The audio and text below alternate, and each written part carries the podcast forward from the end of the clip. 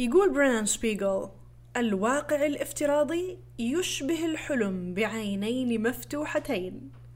يعني احلم وانت صاحي بس مو أحلام يقظة لا لا لا VR Virtual Reality.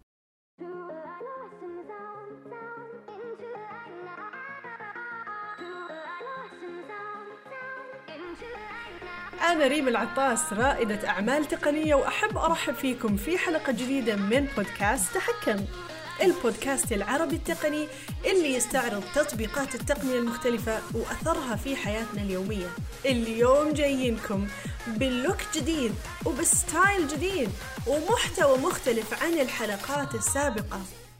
اليوم راح نسوي review لمنتج معين اللي هو نظارات الواقع الافتراضي Oculus Quest 2 بعدين راح أشارك معاكم أفضل ثلاثة games تحديدا VR games خاصة بال Oculus Quest وأبغى أسمع كمان منكم إيش هي your favorite VR games وآخر شيء راح نختم بفقرة سؤال وجواب اتفقنا؟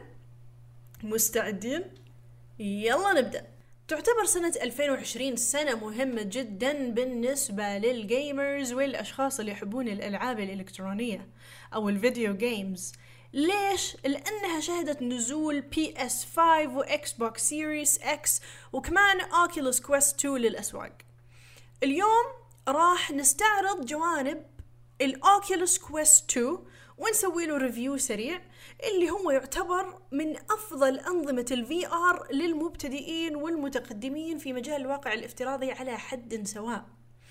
وأنا شخصيا أنصح فيه الأشخاص اللي يبغون يدخلون عالم ال VR وما عندهم ميزانية إنهم يسوون نظام virtual reality على ال PC ال Oculus Quest 2 تلاقونه في أمازون السعودية بسعر يتراوح بين 2300 و 2800 ريال سعودي.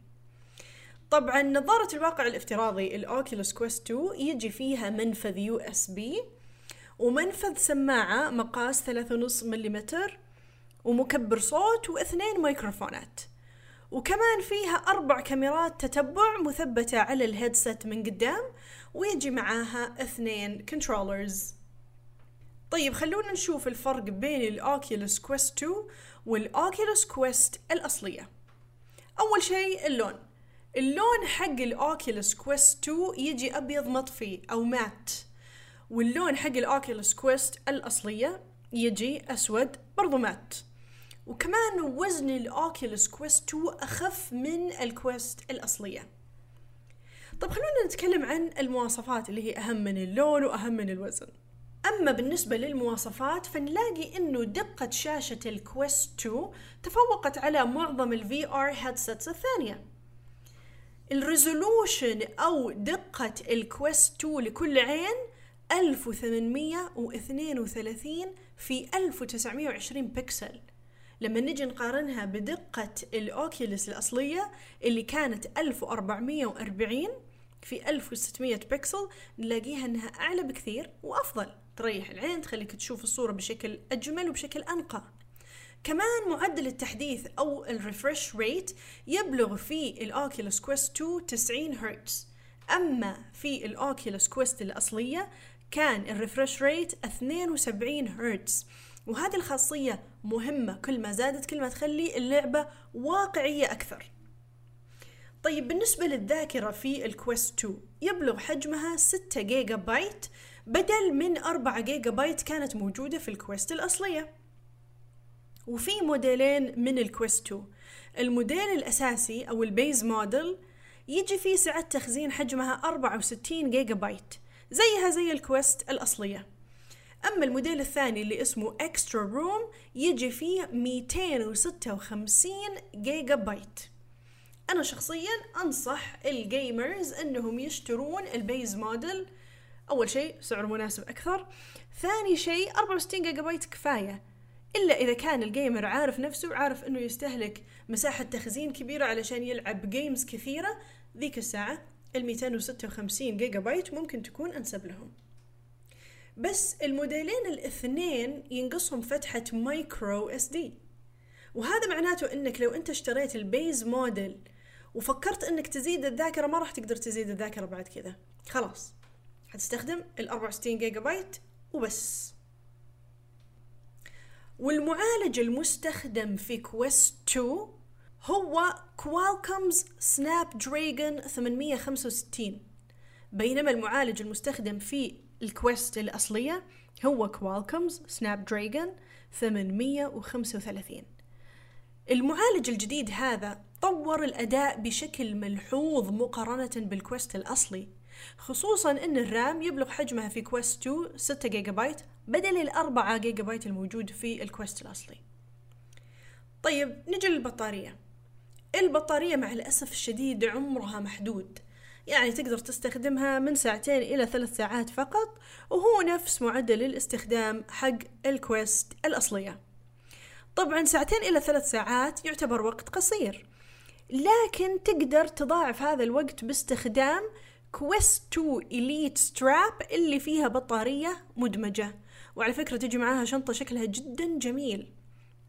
وبما أننا جبنا سيرة ال Quest 2 Elite Strap لازم نقول إن ال strap الموجود في Quest 2 مصنوع من القماش بدل من ال strap اللي كان موجود في ال Quest الأصلية المصنوع من المطاط الصلب. والاثنين بصراحة سيئين لا المطاط كويس ولا القماش كويس.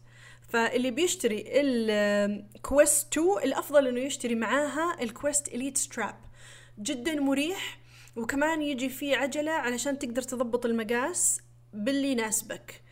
أه والأفضل كمان إنك تشتري ال Elite Strap اللي معاه البطارية المدمجة. علشان لو خلصت بطارية ال Oculus Quest 2 أنت في وسط اللعبة بدل ما توقف اللعب تقعد تشحن البطارية تستناها لما تشحن ترجع تستخدمها مرة ثانية لا بكل سهولة تقدر تبدل البطارية وتكمل لعب كأن شيئا لم يكن. طيب إحنا لسه ما تكلمنا على أدوات التحكم أو ال controllers في Quest 2 ال controllers في Quest 2 أكيد لونها أبيض زي لون ال headset بينما في ال Quest الأصلية كان لونها أسود. آه ال controllers تقريبا مطابقة للجيل السابق مع اختلاف جدا طفيف في سطح التحكم الدائري اللي يجي تحت الإبهام.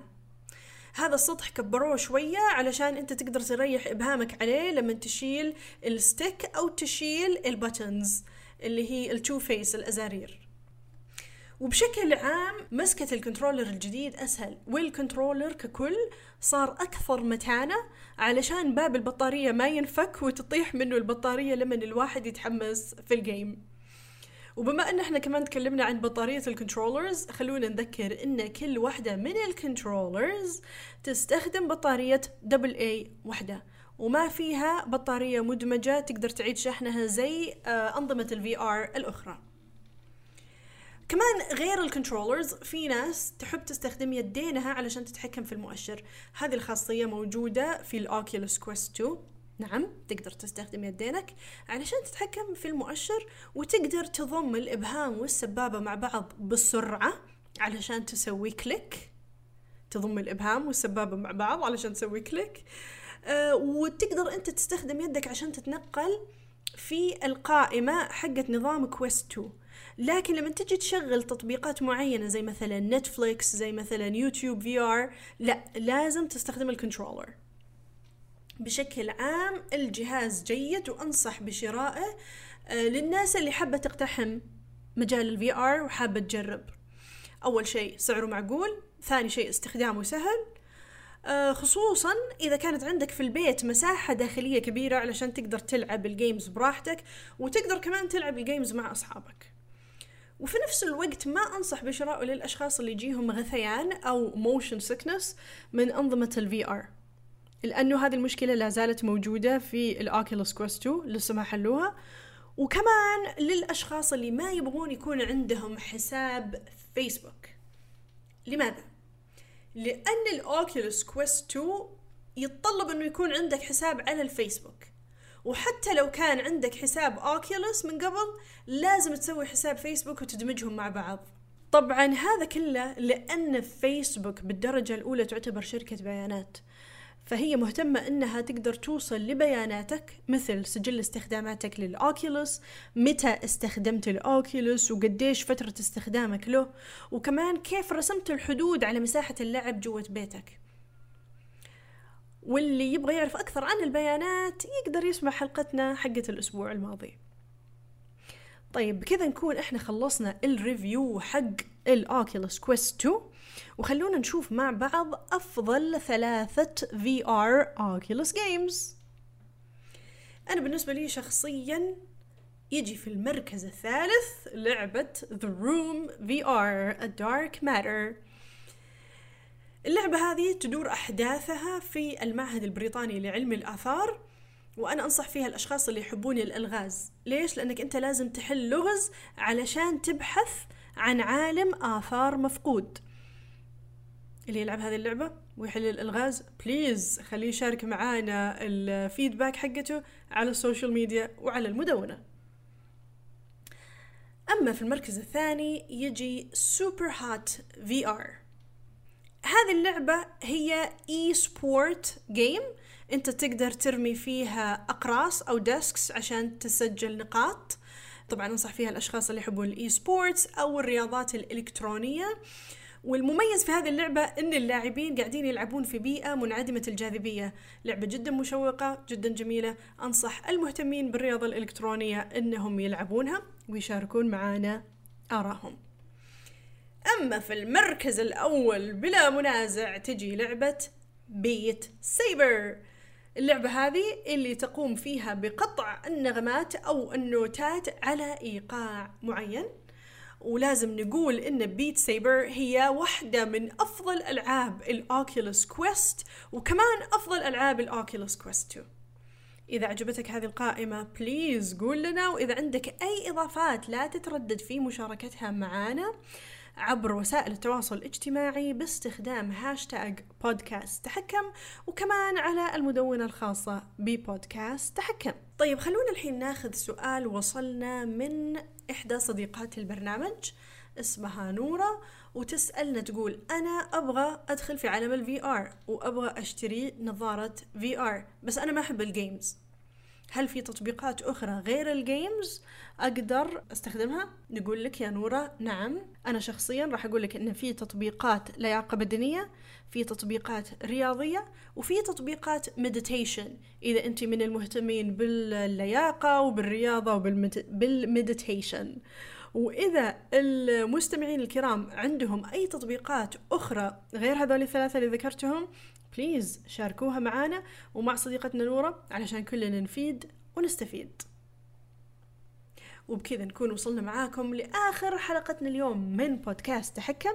نتمنى إن ال style الجديد يكون عجبكم ونبغاكم تشاركون معنا آراءكم عن ال Oculus Quest 2 وتقولوا لنا إذا كنتوا حتشتروها أو لا. وليش كل هذا عبر وسائل التواصل الاجتماعي باستخدام هاشتاج بودكاست تحكم وكمان عبر مدونة البرنامج. إذا عجبتكم الحلقة شيروها مع أصحابكم ونشوفكم على خير الأسبوع القادم في موضوع جديد. باي باي.